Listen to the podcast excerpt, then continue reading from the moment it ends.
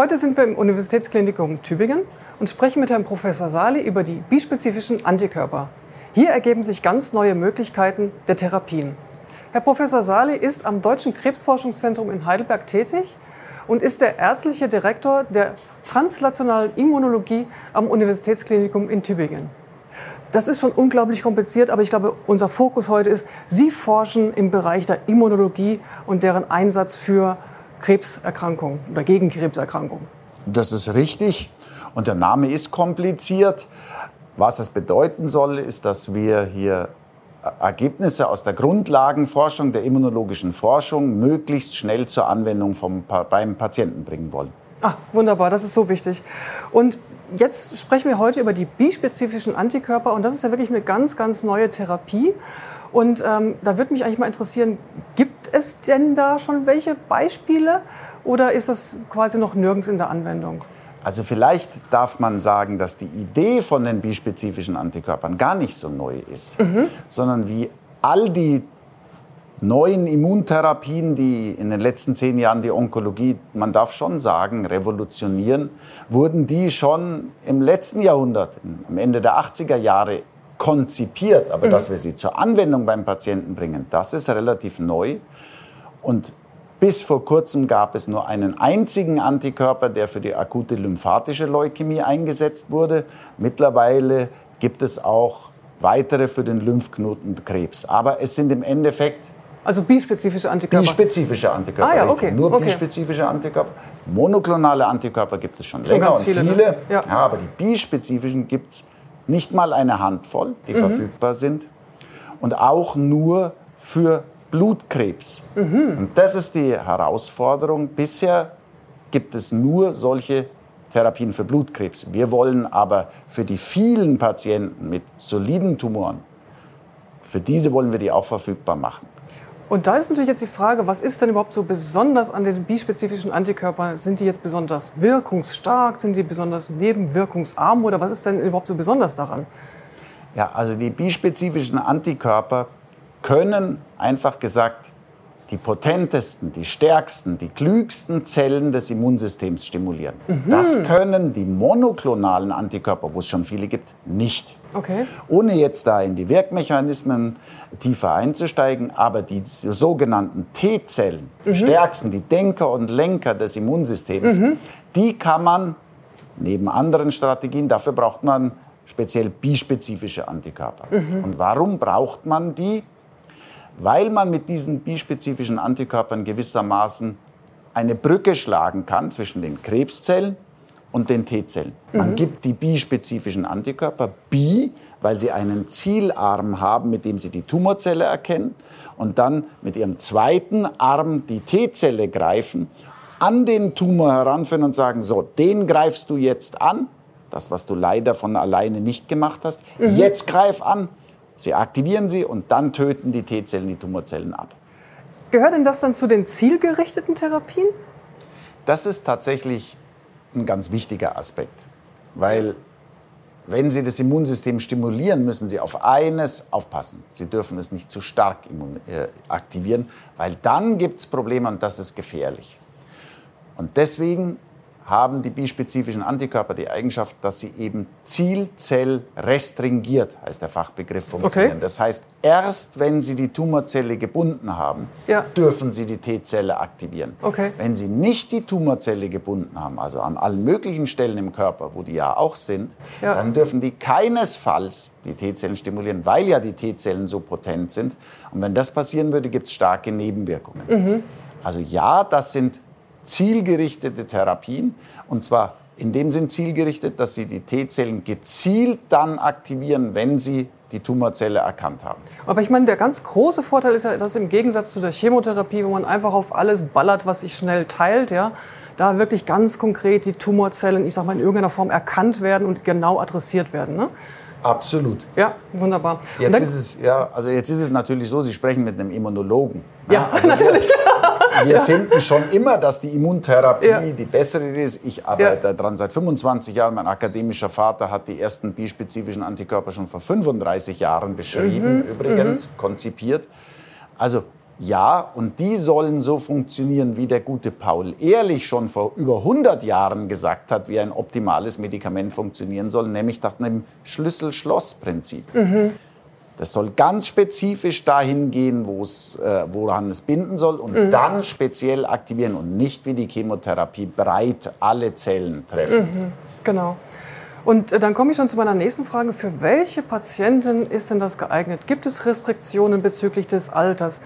Gibt es Restriktionen, welche Therapien man vorher, vorher gemacht haben muss oder eben vorher nicht gemacht haben sollte? Was ist denn da das ist jetzt auch wieder ein schwieriges Thema. Mhm. Idealerweise, weil die Chemotherapie ja breit wirkt, mhm. die wir besprochen haben, würde man, trifft man damit auch gesunde Zellen mit der Chemotherapie. Das mhm. heißt, idealerweise würden Sie die Immuntherapie so früh wie möglich einsetzen, mhm. also vor der Chemotherapie. Nun ist aber auch aus gut nachvollziehbaren Gründen so, dass man neue Therapien erst anwenden darf, wenn die bisher verfügbaren Therapien ausgeschöpft sind. Mhm. Weil man weiß ja nicht, ob die neuen funktionieren. Deswegen darf man im Allgemeinen die Immuntherapien erst nach der Chemotherapie machen. Was ein bisschen bedauerlich ist, aber der Natur der Sache geschildert ist. Aber das heißt, in 10 Jahren oder 20 Jahren, dann, wenn das mal dann nicht mehr so neu ist und bekannt ist, dann könnte man sich vorstellen, damit zu starten, oder wie? Absolut. Und wir haben ja ein Musterbeispiel, die sogenannten Checkpoint-Inhibitoren, mhm. auch eine Immuntherapie, die wir bei Lungenkrebs, Hautkrebs, mhm. Nierenkrebs und anderen sehr erfolgreich einsetzen. Die haben auch mal in der späten Therapielinie angefangen und haben sich jetzt, weil sie so gut funktionieren, nach vorne gearbeitet und sind jetzt die erste Therapielinie. Wunderbar. Und natürlich hoffen wir, dass wir da bald mit den bispezifischen Antikörpern auch ankommen. Aber gibt es Restriktionen, dass man zum Beispiel ein bestimmtes Alter nicht überschritten haben darf, um äh, so eine Therapie zu bekommen? Wenn diese Antikörper so funktionieren, wie sie sollen, mhm. und ich denke, das tun sie, mhm. dann sollen die ja eben ganz speziell nur gezielt das Immunsystem aktivieren und mhm. damit sollen die ja idealerweise eben kaum Nebenwirkungen haben. Mhm. Natürlich, wenn Sie das Immunsystem aktivieren, und das sehen wir auch bei unseren Patienten, dann kriegt man manchmal ein bisschen erhöhte Temperatur, aber dann nimmt man halt ein Aspirin, ein Paracetamol, also das, was wir alles als Kopfschmerztablette kennen, und dann mhm. ist das behoben. Mhm. Weil das Immunsystem wird ja aktiviert und dann reagiert der Körper mit ein bisschen erhöhter Temperatur. Dagegen haben wir auch gar nichts. Mhm. Es darf nur nicht zu viel sein. Okay. Ansonsten wenn natürlich ein Patient so krank ist, dass er das nicht aushalten könnte, dass er da ein bisschen wie grippeähnliche Symptome kriegt, dann haben wir ein Problem. Ansonsten können alle das machen und sollen in Zukunft auch alle profitieren. Mhm. Wunderbar. Jetzt haben wir schon ganz viel das Stichwort Antikörper gesagt. Können Sie vielleicht mal so ganz leicht verständlich, was ein Antikörper ist und was Sie normalerweise so machen? Ja, Antikörper haben wir ja alle im Blut. Mhm. Antikörper sind ein Teil des Immunsystems, die funktionieren, wie gesagt, nach dem Schlüssel-Schloss-Prinzip, erkennen ihr Antigen, wie man das nennt, also eine Eiweißstruktur, üblicherweise auf Bakterien, auf Viren, binden daran und aktivieren dann das Immunsystem, diese Feinde zu eliminieren. Mhm. Klassisch, was machen sie bei der Covid-Impfung, kennen wir alle. Sie geben einen Impfstoff und der führt dazu, dass das Immunsystem Antikörper bildet, die das SARS-CoV-2-Virus eliminieren können. Mhm. Ja, so funktionieren normalerweise Antikörper. Mhm. Alle, nahezu alle Impfungen aktivieren Antikörper, die Hepatitis. Also wir haben das alles im, im Körper. Und das Schöne ist, dass diese Antikörper eben spezifisch funktionieren. Das heißt, wenn kein SARS-CoV-2-Virus uns befällt, dann schwimmen die Antikörper im Blut einfach rum und machen nichts. Mhm. Sie funktionieren zielzellrestringiert. Mhm. Das ist die Funktionsweise eines Antikörpers, aber eben das Problem ist, dass die natürlichen Antikörper die potentesten Zellen des Immunsystems, die T-Zellen, nicht aktivieren können. Mhm. sondern nur das angeborene Immunsystem, die erste Verteidigungslinie. Okay. Für die potenten, klugen, schlauen Denker und Lenker des Immunsystems, dafür müssen sie die Antikörper gentechnisch herstellen, künstlich, damit sie bispezifisch sind und eben ein Ziel und einen Effektorarm haben. Mhm. Also ich, äh, ich stelle mir das dann quasi vor, ähm, wie wenn man versucht, sozusagen mit einem Schiff in, in den Hafen, wenn man mit einem Schiff in den Hafen reinfährt, dann muss man ja dann irgendwann das Seil rauswerfen, um sich dann am, am Hafen sozusagen dann befest, zu befestigen und da anzudocken. Ja? Und so stelle ich mir das eigentlich ein bisschen vor, dass dann eben mit die Antikörper quasi wie das Seil sind, das mir helfen, dass, dass ich das an dem Hafen da rauswerfen kann, um mich anzudocken. Und, Absolut. Und jetzt ist es aber im Prinzip so, dass ich dann quasi dann dort eben mich andocke, einerseits an, an die T-Zelle, also das ist meine gute, schlaue, sehr effektive Immunzelle und andererseits an der Tumorzelle. Und da habe ich quasi wieder ein zweites Seil, was ich dann da rauswerfe und an der Tumorzelle mich dann auch festmache. Ja, Ihr Bild mit dem Seil ist ein ganz fantastisches. In der Tat, ja, hat er bispezifische Antikörper mit seinem ersten Arm, wirft er das Seil aus und bindet an die Tumorzelle. Mhm. Aber nur weil Sie jetzt das Boot da an den Hafen angebunden haben, passiert ja noch nichts. Mhm. Deswegen braucht dieser Antikörper neben dem Seil, was ihn nur hinbindet, eben den zweiten Arm, mhm. der nicht nur bindet, sondern aktiviert. Mhm. Und zwar gezielt aktiviert. Mhm. Erst dann, wenn der erste Arm gebunden hat, dann nimmt der andere Arm die T-Zelle und sagt nicht nur komm her und ja. bindet sie ran, ja. sondern er sagt leg los, Lege greif los. an. Das, den Tumor. Töte. Oh, okay. Ja, sie soll ja die Tumorzellen ja. abtöten. Ja. Also das äh, hat mich auch so ein bisschen, wie Sie das äh, auch schon mal bei einer anderen Gelegenheit erklärt hatten, so ein bisschen erinnert an so Filme, die man mal gesehen hat, wo man, äh, wenn man zum Beispiel einen ganz großen Tresor öffnen muss, dann gibt es ja immer zwei Personen, die jeder, jeder hat seinen eigenen Schlüssel. Und dann, wenn der eine seinen Schlüssel reinsteckt, dann geht der Tresor nicht auf. Aber wenn der zweite seinen Schlüssel auch noch reinsteckt und dreht, dann geht der Tresor auf. Also so, dass vielleicht vielleicht genau. Nein, auch das ist das ja. richtige Bild. Ja. Der Antikörper hat zwei Arme, zwei. Schlüssel. Und nur wenn beide Schlüssel drehen, mhm. aktivieren, nur dann kommt es zu der Immunreaktion. Und das mhm. ist das, was so wichtig ist. Mhm. Und ich darf sagen, es ist nicht ganz einfach, das zu erreichen, dass tatsächlich eben nur wenn beide Schlüssel gedreht werden, das mhm. Immunsystem aktiviert wird. Das ist die Sicherheitsfrage. Mhm. Da muss man gut aufpassen. Ich darf sagen, deswegen machen wir das. Ich schon seit 25 Jahren, Professor Jung seit 35. Das ist schwierig, mhm. ist aber lösbar. Eben nur wenn beide Schlüssel gedreht werden, kommt es zu der Aktivierung des Immunsystems. Das muss man sicherstellen, damit man eben, so wie wir das sehen, kaum Nebenwirkungen hat. Mhm.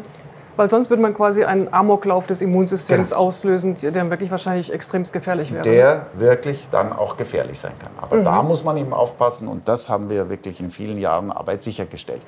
Eine wichtige Frage ist, jetzt haben wir ja gesagt, äh, sozusagen der eine Arm macht an der T-Zelle fest. Ähm, wir wissen ja, wir Menschen sind ja alle ein bisschen unterschiedlich immer wieder. Gibt es eventuell Menschen, wo der eine Arm die T-Zelle nicht erkennt? Weil, der, weil die halt die T-Zelle, sagen wir einfach irgendwie anders individuell ist oder so? Oder ist das Das ist natürlich jetzt eine bisschen komplizierte Frage. Okay. Natürlicherweise erkennen die T-Zelle, jede einzelne T-Zelle nur ein ganz bestimmtes Ziel. So ja. funktioniert sie natürlich. Mhm. Darum braucht die auch keine Antikörper, wie ja. wir mal gesagt haben. Die Antikörper können die T-Zelle nicht aktivieren, weil die ganz spezifisch ein Eiweißmolekül erkennen. Ja. Die bispezifischen Antikörper aber überbrücken das, und das ist das Schöne, die binden, wie gesagt, an die Tumorzelle und dann nicht an die spezifische Eigenheit der T-Zelle, sondern an einen aktivierenden Rezeptor, okay. der natürlich so nicht aktiviert werden kann. In der Natur ist das nicht vorgesehen. Aber unser Antikörper bindet an eine Struktur, die alle T-Zellen haben. Alle Menschen haben, alle, alle Menschen haben das. Ja, die okay. T-Zelle ist charakterisiert immunologisch durch die Expression, also dass sie aufweist ein Merkmal, das nennt sich CD3. Mhm. So definiert man eine T-Zelle. Wenn Sie Ihr Blut untersuchen, sagt man, die, die CD3 haben, ja. die sind die T-Zellen. Und genau an dieses CD3 bindet dieser Antikörper. Das heißt, das haben alle T-Zellen. Sie aktivieren alle T-Zellen im Körper bei jedem Menschen.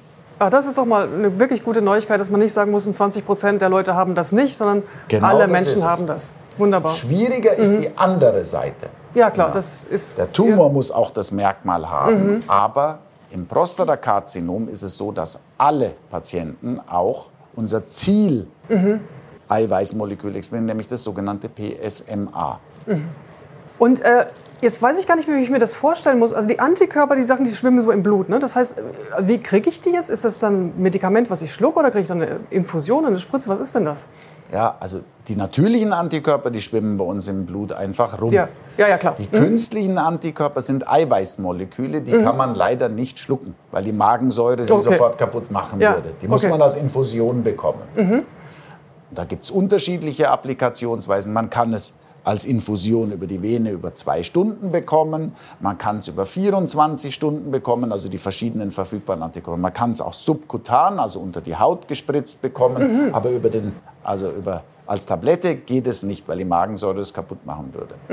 Das, worüber wir akut sprechen, jetzt die bispezifischen Antikörper, die wir fürs Prostatakarzinom einsetzen gerade, die verabreichen wir als Kurzinfusion. Also Infusion über die Vene über wenige Stunden. Und das macht man dann wie häufig? Also jetzt in unserer Studie, auf die wir stolz sind und über die wir ja unbedingt noch sprechen Ja, müssen, machen wir gleich, ja? ähm, da verabreichen wir den Antikörper zunächst drei Tage. Da gibt es zwei Testdosen, eine ganz niedrige, um zu sehen, ob der Patient allergisch reagiert, was Ja. er nie tut, aber wir passen gut auf. Ja. Eine zweite noch ein bisschen höhere, damit der Körper sich langsam gewöhnen kann an die Immunaktivierung. Und dann haben wir unsere Zieldosis.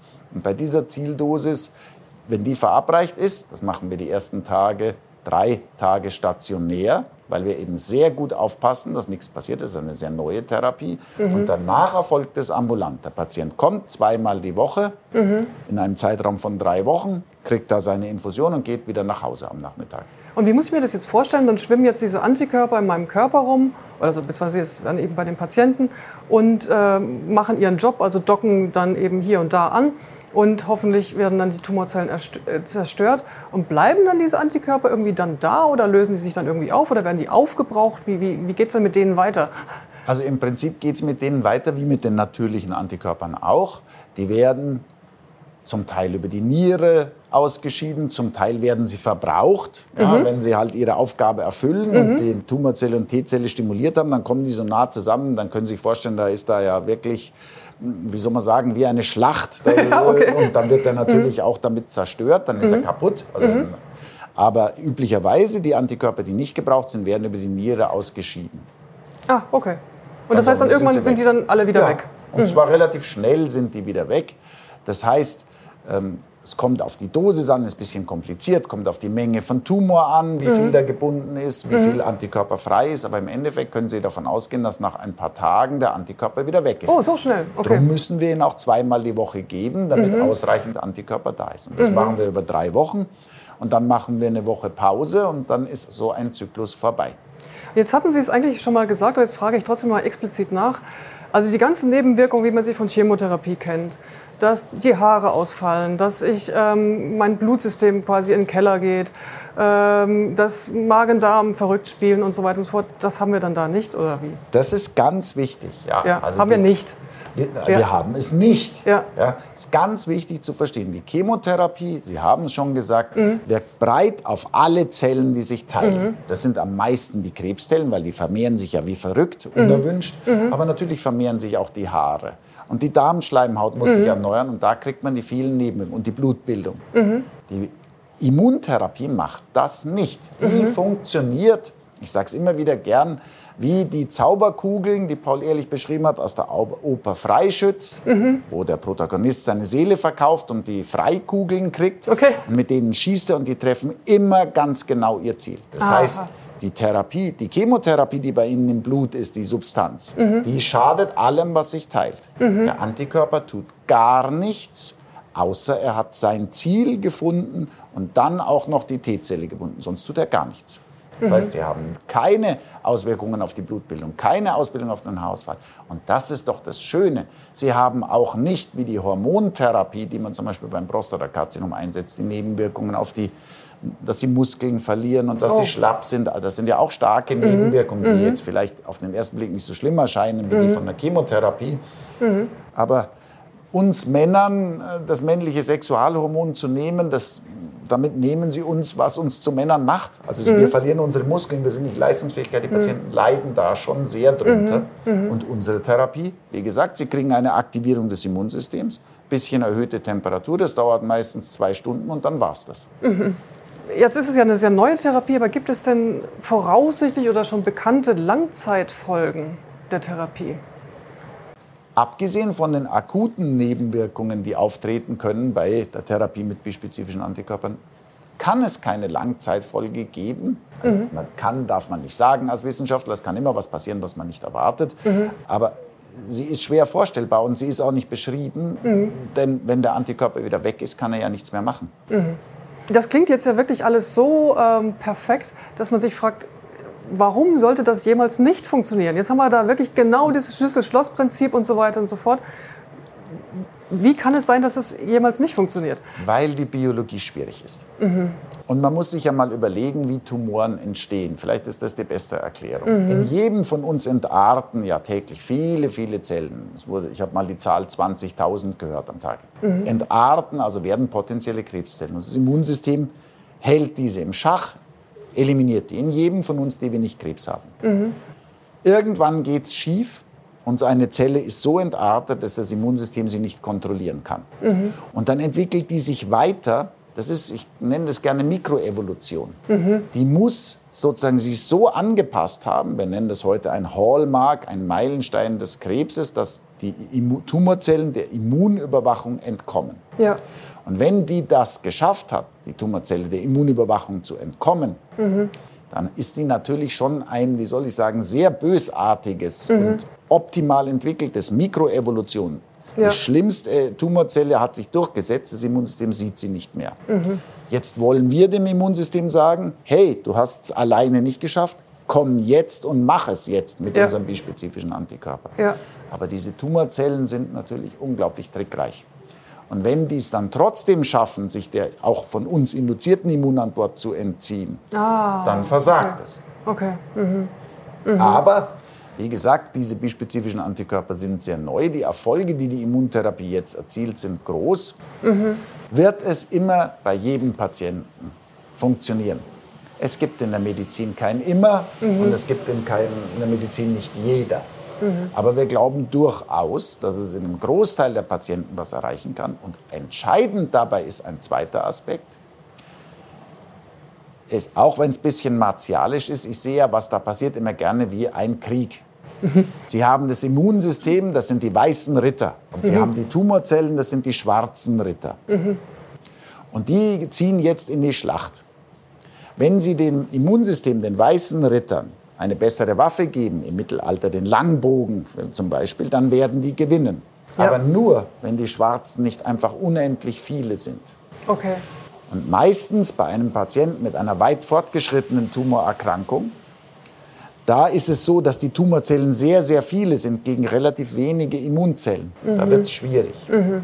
Und deswegen freuen wir uns so ganz besonders über das, was wir jetzt hier beim Prostatakarzinom anbieten können, weil hier führen wir eine Studie durch im sogenannten biochemischen Rezidiv des Prostatakarzinoms. Das heißt, man hat als Patient wurde man diagnostiziert mit einem Prostatakarzinom, dann ist man operiert oder bestrahlt worden und der Tumor ist eigentlich weg. Mhm. Und dann beobachten wir als Ärzte den Patienten und messen das sogenannte PSA, prostataspezifische Antigen. Ja. Und eigentlich, wenn die Prostata weg ist und der Krebs weg ist, ist das null. Mhm. Irgendwann merkt man aber bei vielen, vielen Patienten leider, dass der PSA-Wert wieder steigt. Und nachdem der nur von Tumorzellen kommen kann, ist klar, was das heißt. Das ist ein biochemisches Rezidiv. Wir sehen den Tumor noch gar nicht, mhm. aber wir wissen, er kommt wieder. Ja. Das heißt aber, dass die Zahl der Tumorzellen, die schwarzen Ritter, sehr niedrig ist in dieser Situation. Mhm. Und deswegen sind wir wirklich begeistert, dass wir mit unserem Antikörper mittlerweile so weit sind, dass wir in dieser Situation in der ersten Behandlungslinie, und das ist ein wichtiges, also keine Chemo- oder Hormontherapie, sondern, sondern in der ersten Behandlungslinie dürfen wir den Antikörper mit dieser niedrigen Tumorlast verabreichen. Okay. Und da hoffen wir, da gibt es einen Schuss, zwei Schuss sozusagen, und dann sind die wenigen Zellen eliminiert. Das ist die Idee dieser Studie und darum freuen wir uns so, dass wir die ja, können. Das, das klingt wirklich ganz toll. Wie ist es denn mit der Kostenübernahme? Das ist jetzt so eine ganz neue, innovative äh, Therapie. Also wenn man das jetzt bekommen wollte, diese Therapie, wer zahlt denn das? Zahlen das schon alle Krankenkassen oder kann man das nur im Rahmen von Studien bekommen und wer zahlt es denn dann? dann? Also da muss man ja einfach sagen, ob das funktioniert, mhm. wissen wir ja nicht. Das okay. müssen wir schon ehrlich sagen. Darum okay. führen wir ja eine klinische Studie durch, ja. um festzustellen, ob diese dieser Therapieansatz, nennen wir es jetzt mal, erfolgreich sein wird. Wir Okay. sind sehr zuversichtlich, aber das muss man mit Studien belegen. Und erst wenn man Phase 1 Studien, Phase 2 Studien und Phase 3 Studien gemacht hat, dann kommt es irgendwann zu einer Zulassung und dann bezahlen das die Krankenkassen. Das, so weit sind wir natürlich nicht. Wir sind ja ganz früh, vor allem in der Situation, dass wir im biochemischen Rezidiv als Erstlinientherapie das anbieten können. Das bezahlt die Krankenkasse nicht. Das bezahlt aber die klinische Studie, die wir durchführen. Also der Patient zahlt es Der nicht. Patient zahlt gar nichts Okay, natürlich und ja. das ist mir auch sehr wichtig. Ich habe große Ja. Schwierigkeiten damit, das will ich auch sagen, hat vielleicht jetzt nichts konkret zu tun, aber ich finde es schwierig, wenn Therapien für Patienten Geld kosten, weil da Mhm. haben wir eine Zweiklassenmedizin. Das darf nicht sein, dass Leute Mhm. sich neue Therapien leisten können. Und glücklicherweise haben wir das in Deutschland auch nicht. Ja.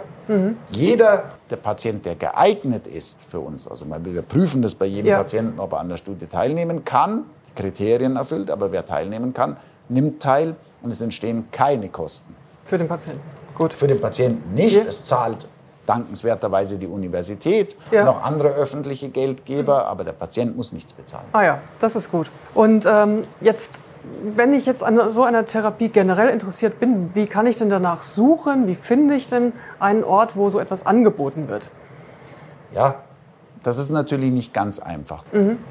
Glücklicherweise organisieren sich ja die Universitätskliniken, die Kliniken immer mehr, nicht zuletzt auch mit Patientenorganisationen, wo die Patientenorganisationen einen wichtigen Beitrag leisten, nämlich Informationen zu verbreiten. Idealerweise, wenn Sie eine maligne Erkrankung haben als Patient, dann würde Ihr behandelnder Arzt sagen, so, jetzt stellen wir Sie mal vor, wir diskutieren den Fall in einem Tumorboard, an einem Zentrum, entscheiden, welche verschiedenen Therapieoptionen gibt es. Natürlich weiß auch nicht jedes Zentrum, was ein anderes Zentrum macht. Wenn Sie aber jetzt das Glück haben, im schönen Tübingen in ein Zentrum zu kommen, dann würden Sie jetzt an uns weitergeleitet werden. Aber natürlich können auch Patienten von außen sich an uns wenden und das tun viele tatsächlich. Also viele Patienten sind ja aus naheliegenden Gründen sehr interessiert zu erfahren, was kann ich in meiner Erkrankung Neues tun. Ja. Das heißt, sie googeln, sie schauen im Internet, Ja. und da können sie uns zum Beispiel finden. Aber man kann in unserem Fall einfach auch auf unsere Homepage gehen oder an unsere Also. Universitätsklinikum Tübingen. Und da suche ich dann nach bispezifischen Antikörpern. Ja, Sie können einfach auch nach meinem Namen suchen. Herr Professor Sie Sali, die, genau. Finden Sie die Homepage oder Ja, die ja. klinische Kooperationseinheit Translationale Immunologie. Okay. Die finden Sie und da sind unsere Studien aufgelistet. Man kann aber auch ganz einfach eine E-Mail schreiben und sich an uns wenden, an unsere E-Mail-Adresse. Okay.